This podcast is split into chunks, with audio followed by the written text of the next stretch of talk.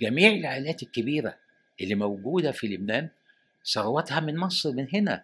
يعني البلد لم يكن فيها بترول لم يكن فيها غاز لكن كانت دولة غنية لدرجة إن الأوروبيين بيجي يشتغلوا عندنا، ناس بتتكلم على القاهرة الخلوية وبعدين يقولوا ميدان التحرير وبتاع ويقعدوا ينظموا العمارات، العمارات دي كلها اتبنت أيام فترة الاحتلال، حضرتك لما تروح الأحياء الشعبية في شوارع المعز والحواري اللي حواليه في تشكيل للواجهة اللي خدها صاحب البيت أو المعلم اللي بيشتغل من الخواجات اللي اشتغل معاهم في القاهرة الخديوية يقول لك الإقطاع ومش عارف إيه، كل المدارس كانت عبارة عن مباني مهداة إلى الحكومة من أثرياء مصر عنده قصر اتنين تلاتة في حركة تعليم شجع التعليم يهدي القصر مش بيبيعه حتى بيهديه. قالوا لنا مرة عاوزين نعمل باب لقصر. فاقترح علينا الأستاذ إن إحنا نروح قصر عابدين في الميدان ونصور البوابة ونرسم البوابة بتاع قصر عابدين وخدنا إذن لما حضرتك تعيش في هذا الجو. فأنت بترى الرؤية البصرية ليك حتى كطالب في العمارة. النظام لما ارتبط مع الاتحاد السوفيتي في أواخر الخمسينات وبعدين التأميم اللي حصل في بداية الستينات ده غير من تكوين المجتمع. وأنا أقول لك يهودي ده إنه مصري للنخاع. علبة الطاوي لم تترك مصر حتى بعد التأميم لغاية لما كفروهم. كان في سنة في سنة ثالثة في العمارة إن إحنا بناخد سمستر كامل مش تاريخ عمارة إسلامي لا تصميم إسلامي. الأستاذ اللي بيهتم بهذا الموضوع كان كبير مفتش القصور الملكية. مفيش حاجة ببلاش. آه صح. إذا عارف في مثل يقول بلاش كتر منه. ميزة في لبنان إن الطالب بيدفع فلوس. عاوز يتعلم. سافرت الاتحاد السوفيتي. كان ممنوع سفر الزوجات. أنا كنت متزوج ومخلف. لو سألوك عن الثورة في مصر وبتاع. فده سؤال تقليدي معروف في أي حتة. تروح تخبط في أي حتة في الحكومة هتقدم على وظيفة يقول لك الثورة في مصر.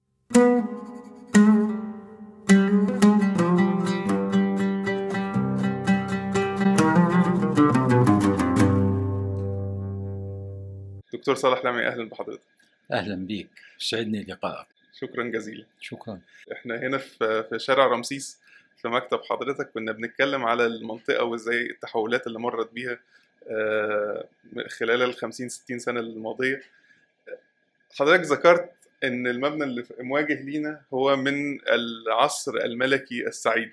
كانت دراسة حضرتك الجامعية في بدايتها في هذا العصر وكلمتني شوية عن المباني. في هذا العصر فممكن تكلمنا أكتر عن دراسة حضرتك بقى الجامعية في البكالوريوس وبداية الرحلة كده وهذا العصر؟ والله طبعا آه، آه، أنا التحقت يعني آه، نتيجة لشهادة توجيهية. في ذلك الحين كان في شعبة رياضيات وشعبة علوم وشعبة أداب. فطبعا أنا يعني كانت ميولي إلى أن أنا أخش كلية الهندسة. فطبعا التحقت بشعبة الرياضيات في السنة الخامسة الثانوية في مدرسة خديوي إسماعيل الثانوية. وطبعا الحمد لله نجحنا في الشهادة التوجيهية. والتحقت بجامعة عين شمس حاليا. كانت ذلك الحين اسمها يعني لسه منشأة. كان دي يعني الدفعة الأولى خالص اللي ابتدت في هذا في جامعة إبراهيم باشا الكبير اللي هو يعني ابن محمد علي باشا. يبقى يعني احد الجد الأكبر للملك فاروق. ومكثنا فيها سنتين في العصر الملكي. آه، وبعد ذلك طبعا حصلت حركة الجيش سنة 52 وتغير اسمها أولا إلى جامعة هليوبلس.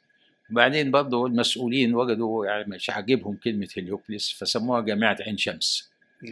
واستمرينا فيها وتخرجت في آه، يو- يو- يوليو اللي هو الميعاد بتاع التخرج في سنة 56 فطبعا آه، التعليم كان هندسي. يعني يعني أنا التحقت بشعبة العمارة وكان كل واحد يلتحق بالشعبة اللي هو يراها مناسبة له أو هو يرغب في العمل فيها.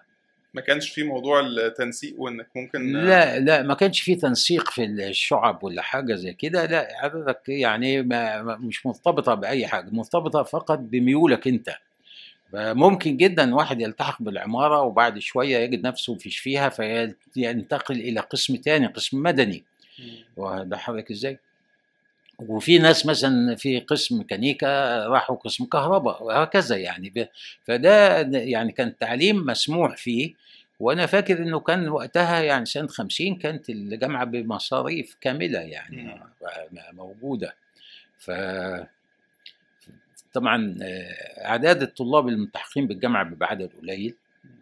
آه، التعليم كان طبعا ليه مستوى متميز لأنه في تفرغ كامل لأساتذة في الجامعة. بال حضرتك زي حتى لو اللي عنده مكتب عنده آه، طبيب عنده عيادة أستاذ في القانون عنده محاماة. لكن كان يعني ما زال ال- النظام اللي كان موجود في العصر الملكي آه، واخد بال حضرتك إزاي؟ مرتبط بليه أصول وجذور تعليمية. آه، يمكن برضو دور الاحتلال الإنجليزي له وجود في هذا المكان لأنه كانوا بيديروا المصالح الحكومية. كان في أساتذة أجانب موجودين في الجامعات. خصوصا زي كلية الطب كلية العلوم كان في أساتذة أجانب موجودين. آه، يمكن عندنا في العمارة ما كانش فيه الحقيقة حد أجنبي وكانت الكلية لسه بادية جديد. فكان حتى في جزء من الاستاف بيجي لنا من مصلحه المباني. آه، حاصلين على شهادات آه، عليا بعد البكالوريوس وفي نفس الوقت عندهم خبرات كبيرة. يعني مدير عام مصلحة المباني كان بيجي يدرس لنا كبير مفتشي مصلحة المباني كان بيجي يدرس لنا.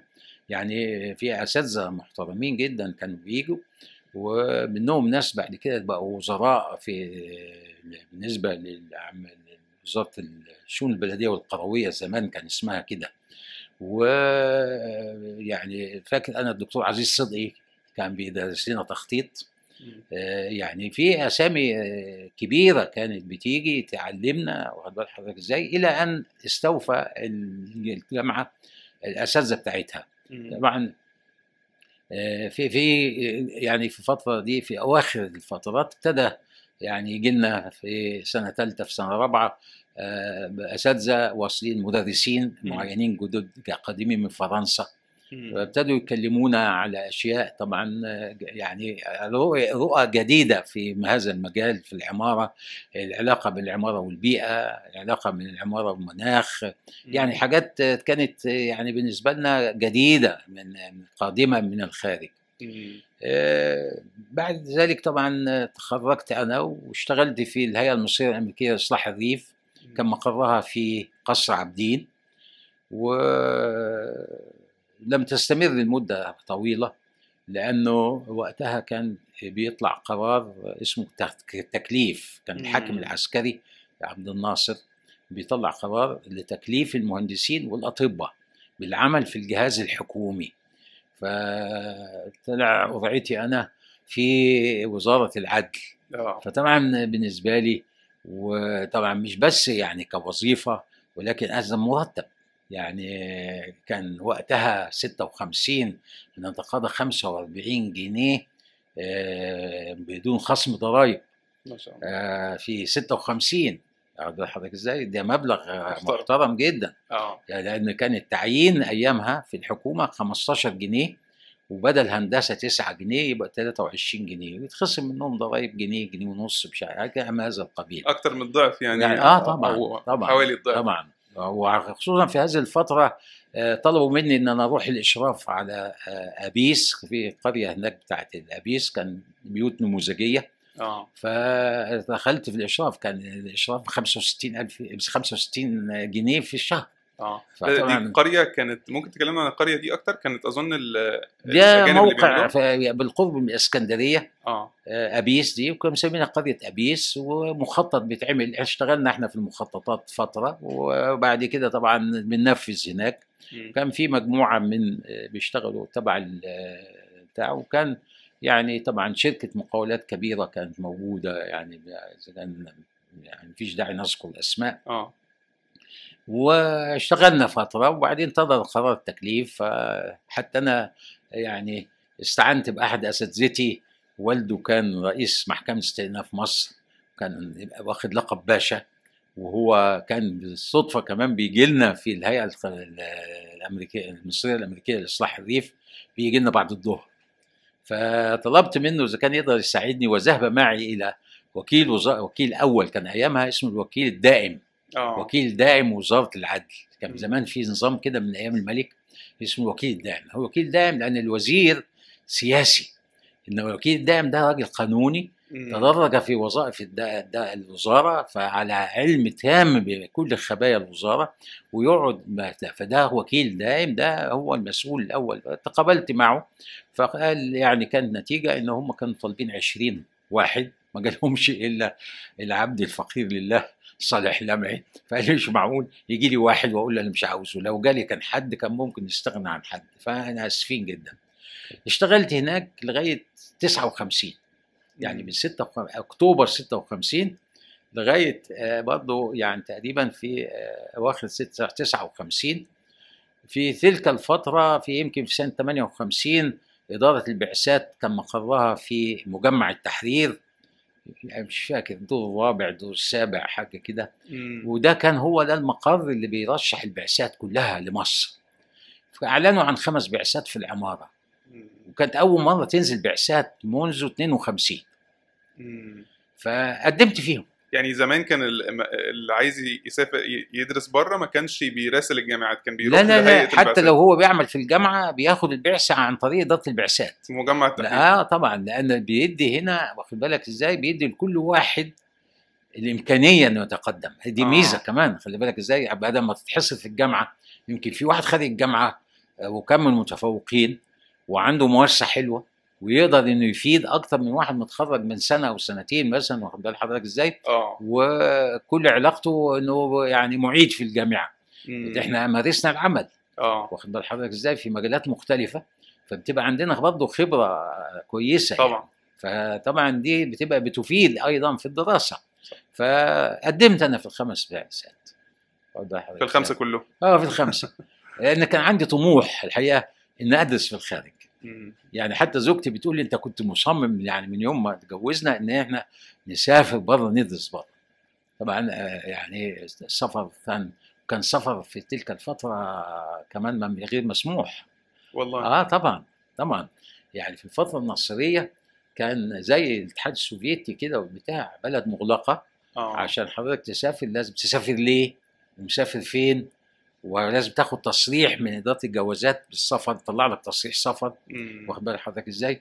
يعني ما كانش العملية سهلة يعني. حتى يعني عملية استخراج جواز سفر كان ليه شروط والله. آه لا إيه. سر إيه السر ده؟ هي الدولة تحولت إلى دولة مسيطرة على الناس ويدعوا إنه آه، لضمان الثورة. مم. آه، ضمان مش عارف إيه كلام من ده. واخد بال حضرتك؟ يعني الكلام اللي هو كان شائع أيامها واخد بال حضرتك إزاي؟ فما كانش فيه إمكانية. يعني حتى أنا فاكر لما جينا نسافر كان آه، ما تقدرش تحول فلوس إلا خمسة جنيه. للعملة آه للعملة الأجنبية. يا. واخد بالك؟ أيوه. أيوه كان في قيود شديدة واخد بال حضرتك إزاي؟ يعني على تحويل بتاع إلا إذا كان لك بعدين يعني واخد بال حضرتك إزاي؟ بعد العصر النصيري وبتاع فتحت العملية شوية.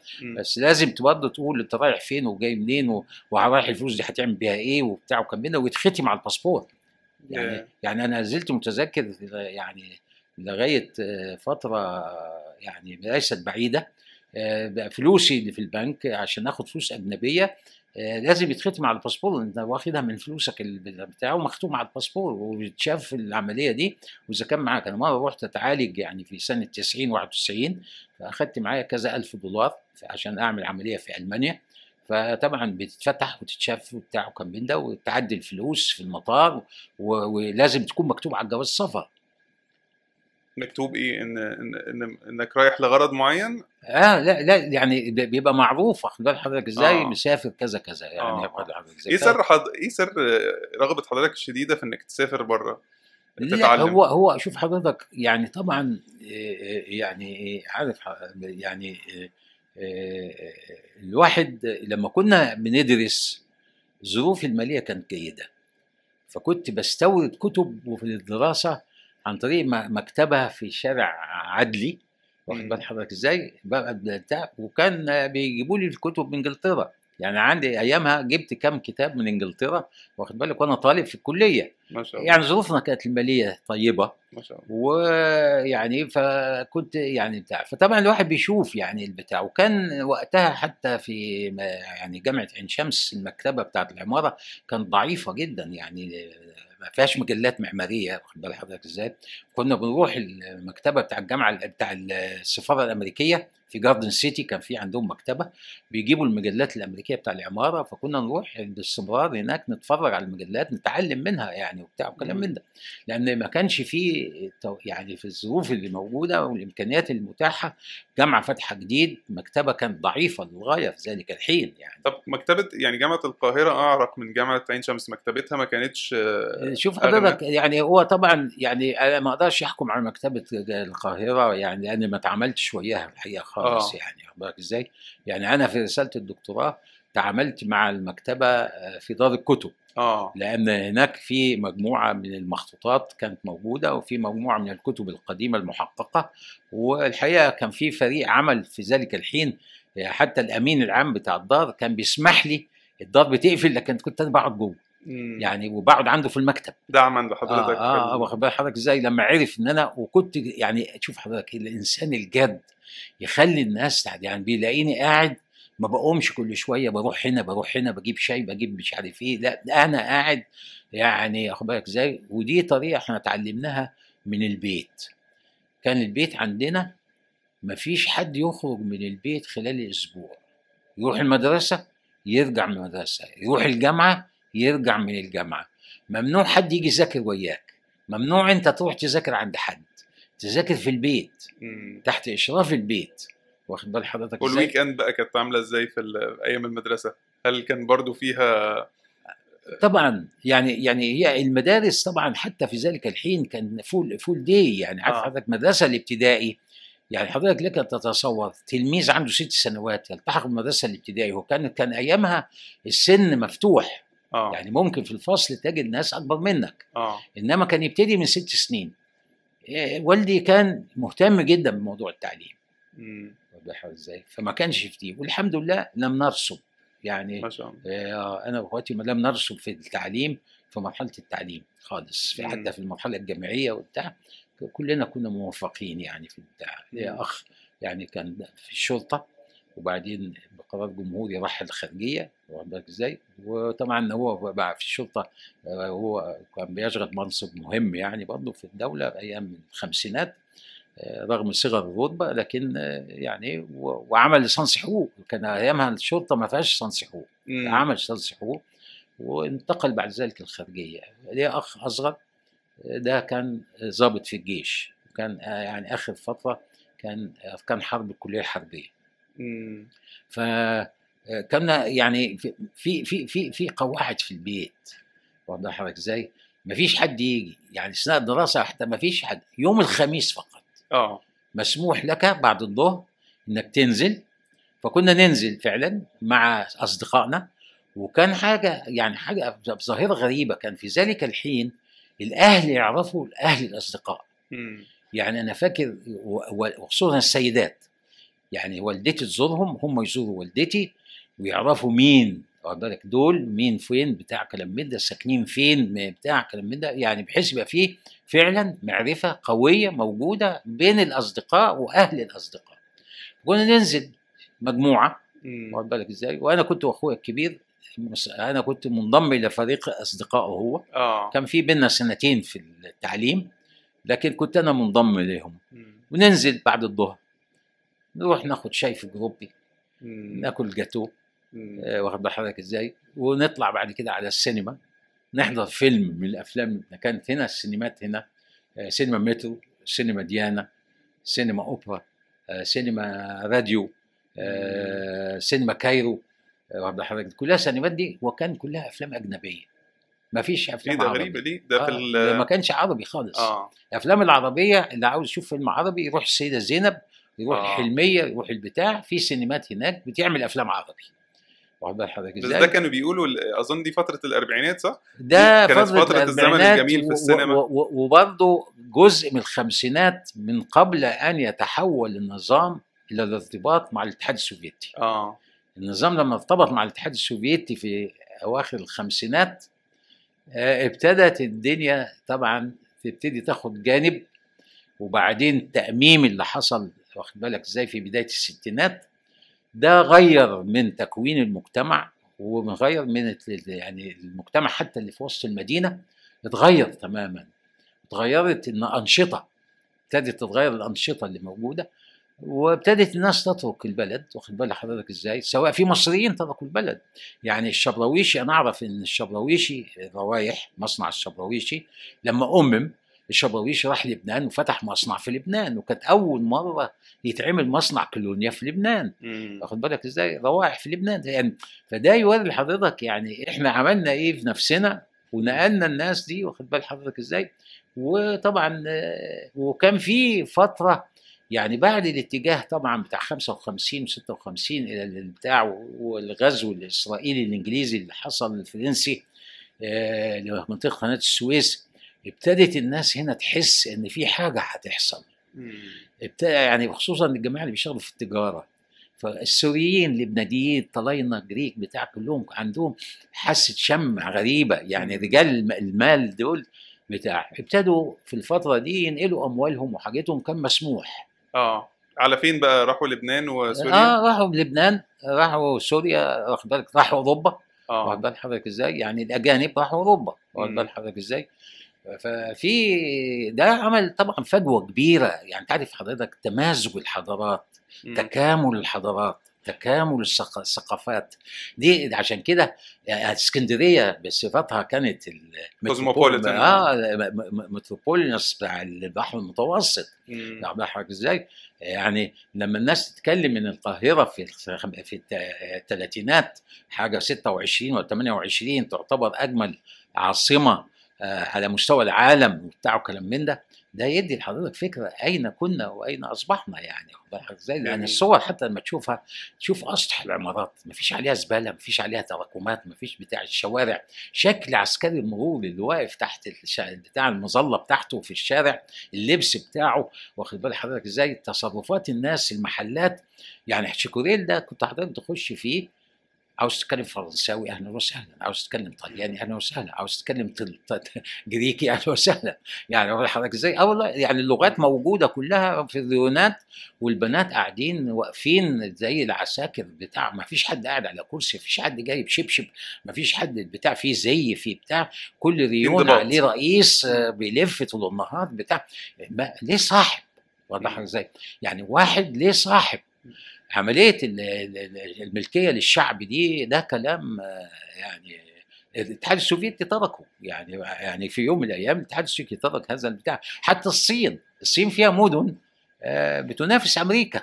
واخد بالك إزاي؟ آه، فيها قطاع خاص بيشتغل. طبعا. يعني دي فترات إحنا عشناها. واخد بالك إزاي؟ اولا يعني المدرسة الابتدائي. حضرتك كان في فراش بيلمع الجزمة. يعني اللي جاي داخل المدرسة وفي طابور الصبح.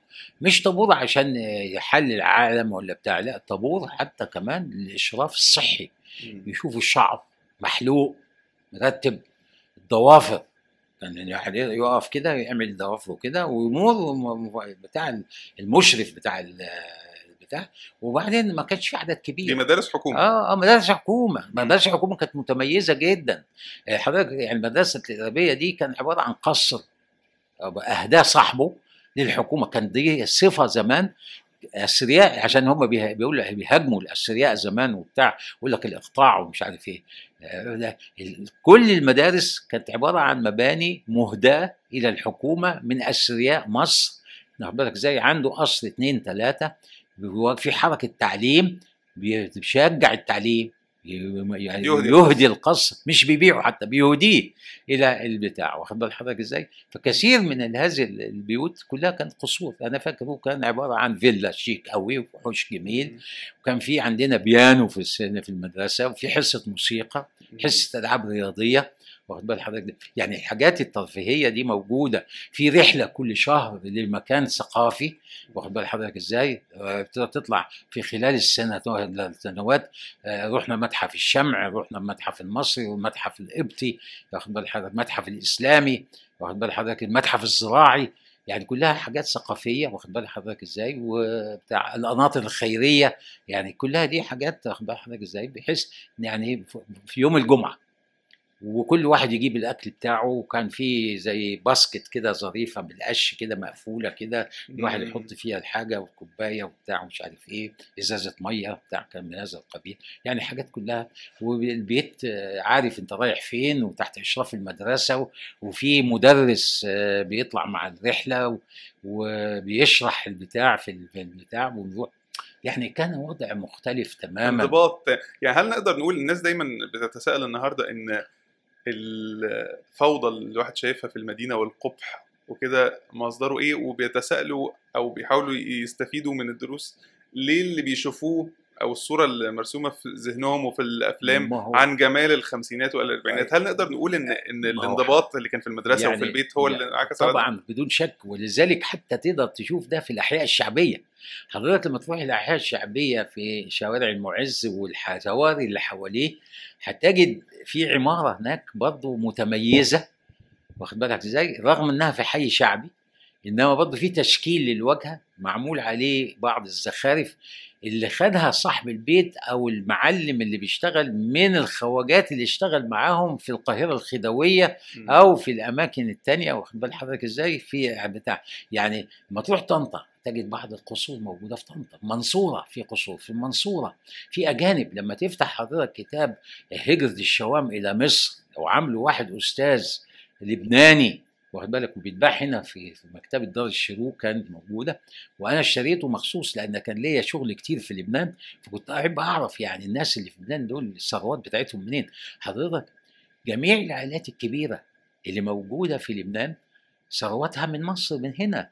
يعني البلد لم يكن فيها بترول لم يكن فيها غاز لكن كانت دولة غنية واخد بال حضرتك إزاي؟ لدرجة إن الأوروبيين بيجي يشتغلوا عندنا يعني واخد بالك إزاي؟ المستثمرين بيجوا يستثمروا هنا واخد بالك إزاي؟ ده ده يوري حضرتك مدى التمازج ده الصناعة في حتى في الصناعة يعني واخد بالك إزاي؟ الصناعة اللي اتعملت آه، كلها يعني تأثير يعني حتى طلعت حرب لما عمل بنك مصر وعمل الشركات ده برضه كان فيه دعم واخد بالك إزاي من الأجانب اللي موجودين هنا شكوريل بيه كان ليه حصة في بنك مصر. في تكسيس مصر مصر الطاوي باشا كان ليه حصة في بنك مصر واخد بالك إزاي يعني وأنا أقول لك يهودي ده إنه مصري للنخاع يعني كان مصريين للنخاع وأنا حسب معلوماتي التاريخية إن هذه علبة الطاوي لم تترك مصر حتى بعد التأميم لغاية لما كفروهم. واخد بال حضرتك إزاي؟ ومشوا في الستينات 63 و64 وراحوا أوروبا وراحوا أمريكا ما راحوش الاحتلال لا. واخد بال حضرتك إزاي؟ وكان حتى في واحد ليا صديق يعني برضه إسرائيلي كنا في ال- ال- اليونسكو بنجتمع هناك في الاجتماعات بتاعت اليونسكو في الجامعات بتاعت إيكوموس فطبعا دولة موجودة وفي علاقات دبلوماسية موجودة وما- يعني بنحضر معاهم يعني في اللجنة الدولية. واخد إزاي فمرة يعني بقول له فكان رأيه إنه يعني إن الجماعة الأغنياء دول خدوا بعضهم راحوا أوروبا واللي جم الجماعة الفقراء هم اللي آه. راحوا إسرائيل واخد بال حضرتك إزاي. ده ده يعني كان كلامه يعني. المهم إنه آه، الناس دي تركوا بصمات. كانوا يعني الناس آه طبعا يعني حضرتك الناس بتتكلم على القاهرة الخلوية وبعدين يقولوا ميدان التحرير وبتاع ويقعدوا ينظموا العمارات، العمارات دي كلها اتبنت أيام فترة الاحتلال. واخد بال حضرتك إزاي؟ يعني وقبل فترة الاحتلال. يعني ف يعني ال- ال- المتحف المصري ده مبني 1902 واخد بال حضرتك إزاي؟ أيام الخديوي عباس حلمي. واخد بالك؟ الثاني؟ فهتقبل- يعني الناس دي تركت بصمات. مم. لما حضرتك تعيش في هذا الجو فأنت بترى الرؤيه البصرية ليك حتى كطالب في العمارة.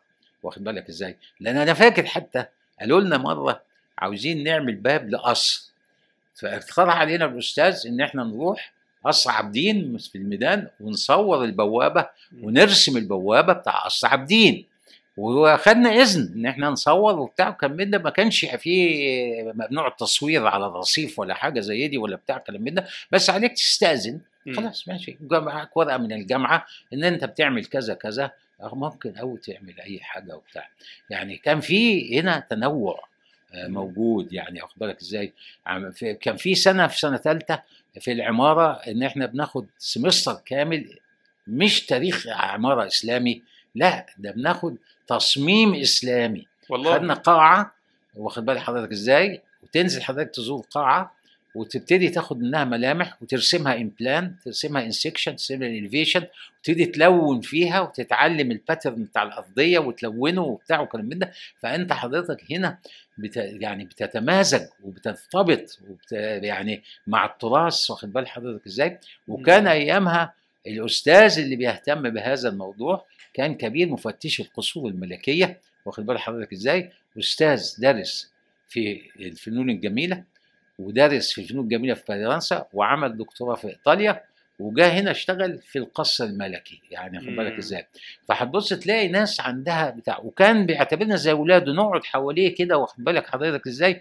يعني في عارف حضرتك اللي بيقول لك آه، شيخ العمود في الأزهر أيوه. وزي أستاذ الكرسي فعلا كده كنا يعني يخش الأتيليه وبعدين بتاع ونروح عنده في الأوضة ونقعد حواليه ويقعد يكلمنا ويشرح لنا وبتاع وكلام من ده واخد بال حضرتك إزاي مم. يعني كان في روح تعليمية حاجة تانية خالص يعني حتى يعني أنا فاكر أحد الأساتذة وكان جالنا وإحنا بنعمل مشروع البكالوريوس وكان لسه جاي من فرنسا جديد مدرس تفرغ لنا ويجي يسهر ويانا كل يوم. كنا بنبات في ال- الكلية نعمل المشروعات دي نبات في الكلية. واخد بال حضرتك إزاي؟ لأن ممنوع تطلع اللوحة. آه. واخد حضرتك إزاي؟ اللوحة ما تطلعش. عشان ما حدش يمد إيده فيها. صح. فلازم اللوحة تتعمل في الكلية. كل ده- كل؟ ده- ده مشروع البكالوريوس بالذات. آه. واخد بالك إزاي؟ فكان يجي يساعدنا في المشروع ويعلمنا الألوان وبتاع وكلام من ده ويساعدنا في التلوين بتاع اللوحة وبتاع وكلام من ده. واخد بال حضرتك إزاي؟ لا يعني كان في علاقات واخد بال حضرتك إزاي؟ لدرجة إن هذا الأستاذ لما اتخرجنا فقال لي يا لمعي هات لي الفرقة بتاعتك. كان جاله مشروع بقى كان كان أول مشروع ياخده واخد. بالك إزاي؟ فقال لي هات لي الفرقة بتاعتك. فلميت الخمسة أصحابي اللي كنا قريبين من بعض ورحنا اشتغلنا وياه واخد بال حضرتك إزاي؟ كان عنده مكتب في عمارة الموبيليا.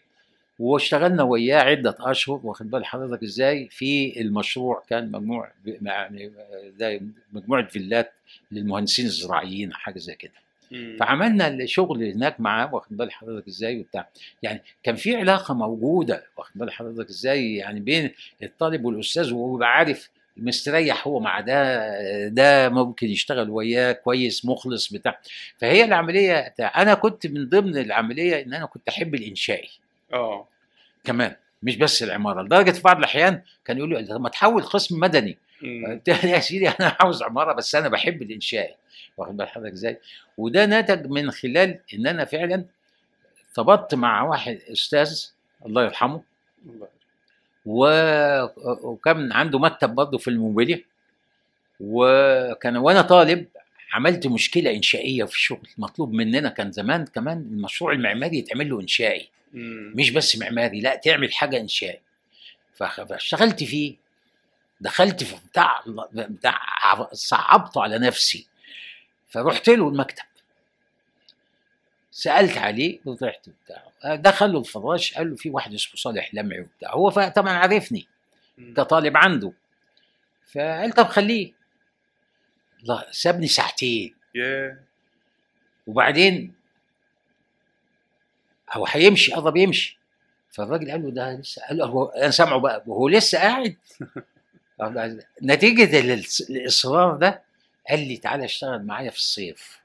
ما شاء الله. فكنت في سنة ثالثه طول فترة الصيف بشتغل في مكتبه إنشائي. اتعلمت منه كتير. عمل حضرتك في الصيف ده أثناء الدراسة. آه.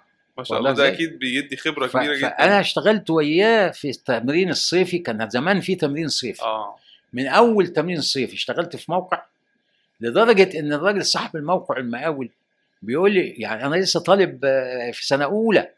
قاعد أتفرج عليهم وهم بيرصوا الحديد مش عارف إيه بستمع الاستصلاحات بتاعت العمال وهي بتتكلم. اتعلمت منهم حاجات كتير. فالراجل بيقول لي يعني أنت مش في أجازة ما تروح يعني هتقعد طول النهار معانا هنا كده بتاع؟ مستعجبه جدا يعني إن أنا قاعد طول النهار. طب ما تروح تلعب شوية يعني انت يعني عارف إزاي طالب وبتاع. بعد الظهر. بالليل. أروح السينما أروح بتاع مش عارف إيه. لكن الصبح كنت إنما الصبح طول أنا قاعد في الموقع طول الصيف. واخد بالك إزاي؟ بقى قاعد في الموقع. بس حضرتك أثرت نقطة مهمة جدا آه، أحب أسأل حضرتك فيها. لأن أنا كنت بتكلم مع مع أستاذ من فترة على يعني قال لي إن هو ال- العمارة الإسلامية كلها في دراسته آه، كانت حاجة حوالي ست أسابيع أو حاجة. واضح إن في وقت حضرتك كان فيه اهتمام أكتر بيها مش بس كتاريخ شوف كممارسه حضرتك شوف حضرتك.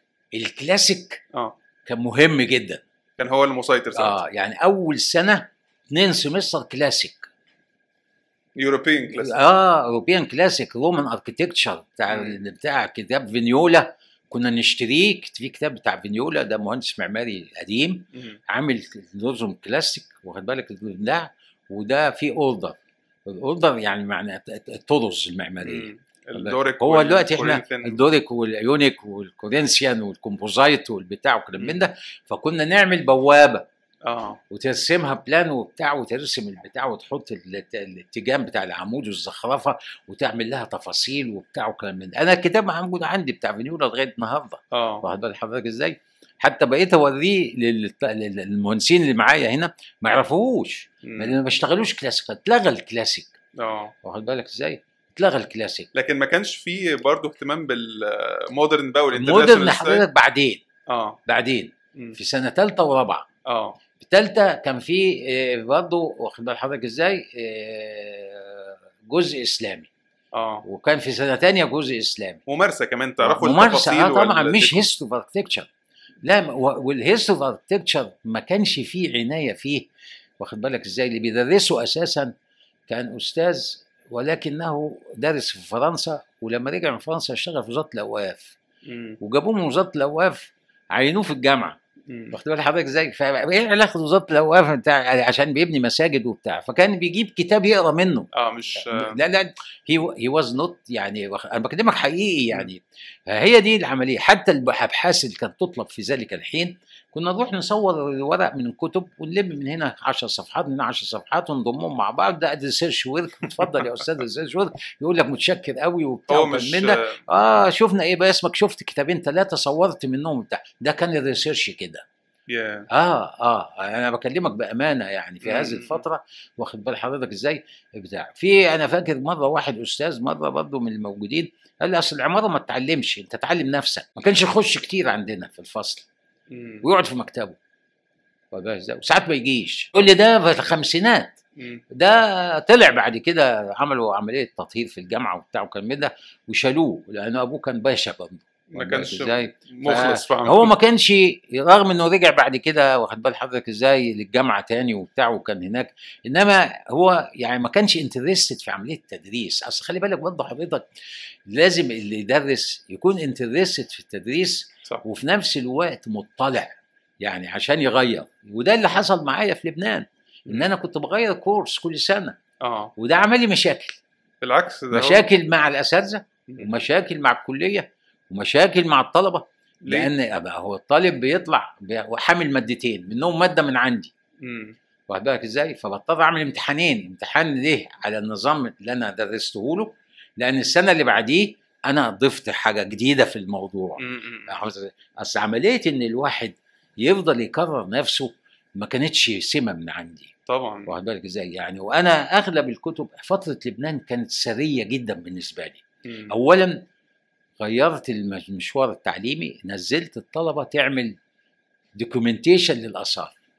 ما كانش موجود هذا وده عمل لي مشاكل برضه ابتدوا الأساتذة يشتكوا والعميد وجابني العميد مرة وقال لي كده أنت بتضيع وقت الطلبة في حاجة مش موجودة في البرنامج التعليمي اللي بتاعنا. كان البرنامج التعليمي في بيروت مرتبط بالبرنامج التعليمي بتاع اسكندرية. اسكندرية ما فيش ال survey دوت ولو بتعمل survey كان موجود واخد بالك في الفنون الجميلة. واخد بال حضرتك إزاي؟ في فترة الأجازة مش فترة السنة. مم. فأنا ذلك ولذلك أنا نجحت جدا ان سجلت مساجد بيروت وأنا هناك. طبع الكتاب في الجامعة هدية للجامعة. مش مش بتاع يعني كتاب اتطبع على حساب الجامعة هدية للجامعة. وكان أول كتاب عن مساجد بيروت على الإطلاق. بالعربي أو بالإنجليزي. واخد بالك. إزاي ما كانش في حاجة عن مساجد بيروت. نزلت في صيدا سجلت مباني صيدا كلها. واخد بال حضرتك إزاي. ف- فكانت في يعني يعني هنا واخد بال حضرتك إزاي آه، فطبعا آه، الأولاد آه، يعني كان في عندهم يعني بتاع وهو ميزة في لبنان إن الطالب بيدفع فلوس. عاوز يتعلم واضح إن حضرتك شايف إن التعليم المجاني أدى لمشاكل شوف حضرتك. التعليم مفيش حاجة ببلاش آه صح. إذا عارف في مثل يقول بلاش كتر منه. آه، بلاش. يعني بلاش. حضرتك حضرتك لما تشتغل في حتة ببلاش واخد بالك إزاي؟ مش, مش. هتخلص. مش. هتخلص لها. مفيش حاجة ببلاش. ولذلك الدول اللي اشتغلت ببلاش ده غيرت النظام. مم. الاتحاد السوفيتي صاحب المبدأ ده غير النظام. يعني زي ما حكيت لسيادتك في السابق قدمت في خمس بعثات. آه. وأنا قاعد كده في مكتب خبراء وزاره العدل. آه. واخد بال حضرتك إزاي؟ وكان انتقل في ذلك الحين سنة 59 كان الأول في فيلا عند ميدان زغلي. مم. فيلا قديمة كده. نقلونا في شارع صبر أبو علم. مم. في مبنى جديد أجرته الوزارة. ونقلنا هناك. وأنا قاعد كده لقيت الراجل يعني أحد بتوع أفراد الخدمة. الدكتور لمعي في جواب جاي مسجل. مضيت عليه. واداني جواب صغير كده بتاع الحكومة فتحته. أنا ما عارفش عارف. لقيته بقى فيه تم ترشيحكم ما شاء الله. في يعني مرشح أول في بعثة للاتحاد السوفيتي. السوفيتي؟ آه الاتحاد السوفيتي. آه. فأنا طبعا استعلمت. قال له ما فيش إلا بعثات الاتحاد السوفيتي. أخبر حضرتك إزاي؟ حضرتك ما كنتش عايز تروح هناك. لا يعني فطبعا استعلمت. فبعض الناس قالوا لي آه الاتحاد السوفيتي وبتاع وكان أيامها واخد بالك إزاي طلع الكلبه لايكا وبتاع مش عارف القمار بتاع الكلبه اللي آه. طلعوها فوق وبتاع ومش عارف إيه. فطبعا إيه يعني الناس برضه بصوا لا الاتحاد السوفيتي. خلينا نروح الاتحاد السوفيتي. هعمل إيه يعني؟ ما فيش بعثه الاتحاد السوفيتي. يا إما ما أروحش يا أروح مم. وكان في اختبار قبول شخصي وحضرت كان بيحضر فيه وكيل الأول وزارة التربيه والتعليم ويسألك بتاع ولازم تكون تعرف شوية إنجليزي عشان برضه بتاع يقول لك لو سألوك. كانت برضه السؤال هو إيه؟ لو سألوك عن الثورة في مصر وبتاع. فده سؤال تقليدي معروف في أي حتة. تروح تخبط في أي حتة في الحكومة هتقدم على وظيفة يقول لك الثورة في مصر. حافظين كلمتين قلناها لهم. وبتاع ماشي يا عم إيه طيب مع السلامة كل مقبول مثلا ماشي. وسافرت الاتحاد السوفيتي. كان ممنوع سفر الزوجات. أنا كنت متزوج ومخلف. وطبعا ممنوع سفر الزوجات. يعني كانت مشكلة بالنسبة لي. كنت طبعا. طبعا, لسه في بداية حياتي الزوجية. واخد بال حضرتك إزاي؟ أنا تزوجت سنة 57 ما شاء الله. وطبعا مسافة 59 بعد سنتين ابني لسه صغير. بتاع من ده. سافرنا هناك. ولما سافرنا هناك تعلمنا فترة اللغة. ورجعت في الصيف بتاع سنة 60 مم. وقالوا لنا ده في خبر كويس. إيه قال؟ هنصفر لكم الزوجات. والله طب آه. كويس. إيه الحكاية؟ قال من الشكاوي اللي إحنا بعتناها. واخد بالك إزاي؟ فالمشير كان أيامها تدخل في الموضوع. واخد بالك إزاي؟ مع إنه ملوش علاقة بالتعليم إنما الشكاوي يعني بتاع. عبد الحكيم عامر؟ آه عبد الحكيم عامر. فمع رئيس الجمهورية قالوا طب إن إحنا في عندنا بعثات كتير. كان عندهم بيجي لهم 400 منحة من الاتحاد السوفيتي. ما عندهمش عدد يبعتوه. فقالوا طيب نديها للزوجات. على شرط إنها تكون يعني معاها مؤهل توجيهيه. لا. رحت القنصليه الروسي قال آه أنتوا عملتوا كده ما ده طبعا ده كلام عملوه الحكومة المصرية إحنا مدينهم بعثات إحنا لما كنا هناك حاولنا نطلب البتاع فكان الرد من ال- البتاع حولنا المستشار الثقافي آه، كان اسمه التهامي يبقى أخو التهامي اللي كان في رئاسه الجمهورية مم. وبرضه من ضباط الاحرار وبتاع وكان أستاذ مساعد في كلية العلوم. مم. وعملوه مستشار ثقافي هناك. فقال والله الروس إحنا خدنا ميعاد روح قابلوه. رحنا هناك. اتعلمنا روسي كويس حقيقة لأن كان كل يوم كل يوم خمس ساعات. واخد بال حضرتك إزاي؟ ونحفظ حفاظ زي الكتاب بتاع الشيخ علي. تحفظ مواضيع يعني عارف ذات مواضيع رايح السوق صفحتين تحفظهم وتسمعهم. يا مش عارف إيه بتاع كلام من ده وبتاع خم يعني خم طول الأسبوع أو خمس- ساعات لمدة ست شهور ولا بتاع كلام من ده طبعا مشكلة. طبعا أتقنت اللغة كويس. جدا. لدرجة إن إحنا كنا بنركب تاكسي نكلم السواق يقول لك طب بقالك كام سنة هنا؟ ما شاء الله. آه صحيح يعني. كان إيه تخصص حضرتك في الدراسة في روسيا؟ كان المفروض هروح أكاديمية البنى. آه. في إيه؟ لما نروح أكاديمية مم. إحنا ما رحناش أكاديمية البنى بقى. إحنا قاعدين بندرس لغة. واخد حضرتك إزاي؟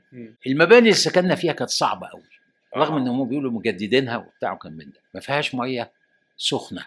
مم. وإحنا عصرنا ناقص 29 يا هناك. عشان تستحمى ما فيهاش حمامات. انت عايز تستحمى؟ تركب المترو نص ساعة لا لا. توصل نص البلد تروح الحمام الشعبي. الحمام الشعبي نوعين حمام مفتوح أوضة فيها تشاش والناس واقفة زي الخيل كده تستحمى. يا إما تدفع فلوس وتاخد أوضة. واخد بالك إزاي؟ فطبعا كنا بناخد الأوضة اتنين تلاتة ونروح بالساعة. بتخش الحمام ربع ساعة وفيها كنبتين على بعض كده أوضة جا- يعني حمام وفي أوضة راحه صغيرة جنبيها كده. وممكن تطلب شاي بتاع من ده قهوة. وحاجات حاجات فكنا بنروح وبتاع. وكان في دولنا فلوس كتير. كنا بناخد 1500 روبل القديم. كانت المدرسة بتاعتنا تاخد 900 روبل. ست كبيرة كانت تاخد 900 روبل. كانوا ده يعني كان بتغلط إنما دي كانت سياسة الاتحاد السوفيتي. وحط لنا واحد روسي لازم لينا يشوف يعني ده ميوله إيه ده ميوله إيه. واحد لقوه كويس كده يعني ممكن يتفاهموا وياه يدوا له أوضة لوحده. إحنا كنا بنسكن كانوا عاوزين يسكنونا. اثنين مصريين وواحد روسي. قلنا قلنا never إزاي؟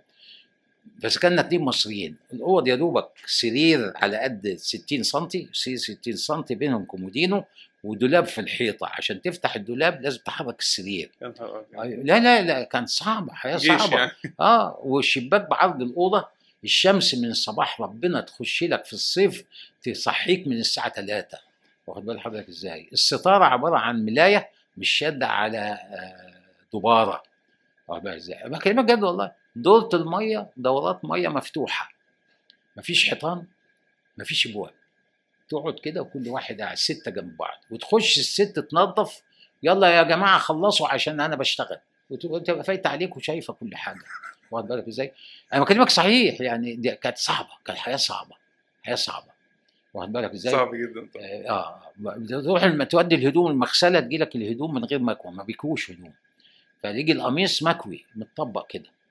تحطه انت تحت الملاية تحت البتاع تقعد عليه شوية آه. عشان تلبسه يبقى شكله مقبول. مفيش مكوى. طب لما لما رحتوا بقى مع الزوجات كان إيه ما رحناش مع الزوجات. آه. فالروس قالوا لي أنا فاكر يعني يوميها قابلت الراجل قال لي آه طيب. مراتك بقى لما تقدم عندنا هتروح آه، ستالينجراد وأنا بدرس في موسكو. مش هشوفها.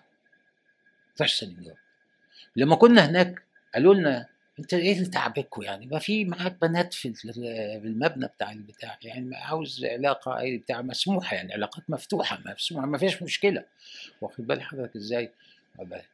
وبعدين بقى برضه آه، بتمنظروا ويقول لك أنت خالص. يعني إحنا ممكن نطلعك القمر بس ما عندناش شقق يعني شايف- يعني بقى إيه يعني إن بتاع يطلعك القمر آه والله بكلمك الكلام ده اتقال لنا يعني مش مش كلام سمع لا اتقال لنا في مقابلة آه، ناس سكنك في القمر ممكن ده ما عندناش شقق على الأرض فيش عندهم أزمة سكن رهيبة. حتى ده بسبب إيه؟ بسبب ال ال هو حضرتك يعني حتى يعني نفس النظام اللي كان هنا إن أنت ما تسافرش ما تروحش بتاع كلام من ده. نفس الحكاية. الطالب اللي كان معانا عشان يطلع من موسكو مثلا يزور أهله مثلا في ضح في هيركب قطر لازم ياخد ورقة من الكلية تسمح له بالسفر. يركب القطر ويطلع واحد يشوفه كده وتشوف التذكرة ولازم الورقة دي تبقى معاه. ما يقدرش يغادر موسكو اللي هو مقيم فيها إلا بناء على ورقه تسمح له بالسفر يروح يشوف أبوه يشوف أمه يشوف أخته يشوف بتاع كلام من ده فاهم؟ ده النظام اللي هناك كان كده. وده النظام يعني هم هنا طبقوه بشكل أو اخر يعني في فترة ما. واخد بال حضرتك إزاي؟ يعني عاوز تسافر؟ لا مش هتسافر. عندك. عندك دعوة مش عارف إيه غير مقبوله الراجل اللي قاعد هناك يقول لك والله مرفوضة. ليه ما يردش عليك. هي مرفوضة. كان في مكتب في في الجوازات موجود في مجمع التحرير مسؤول عن إصدار الشهادات ديت.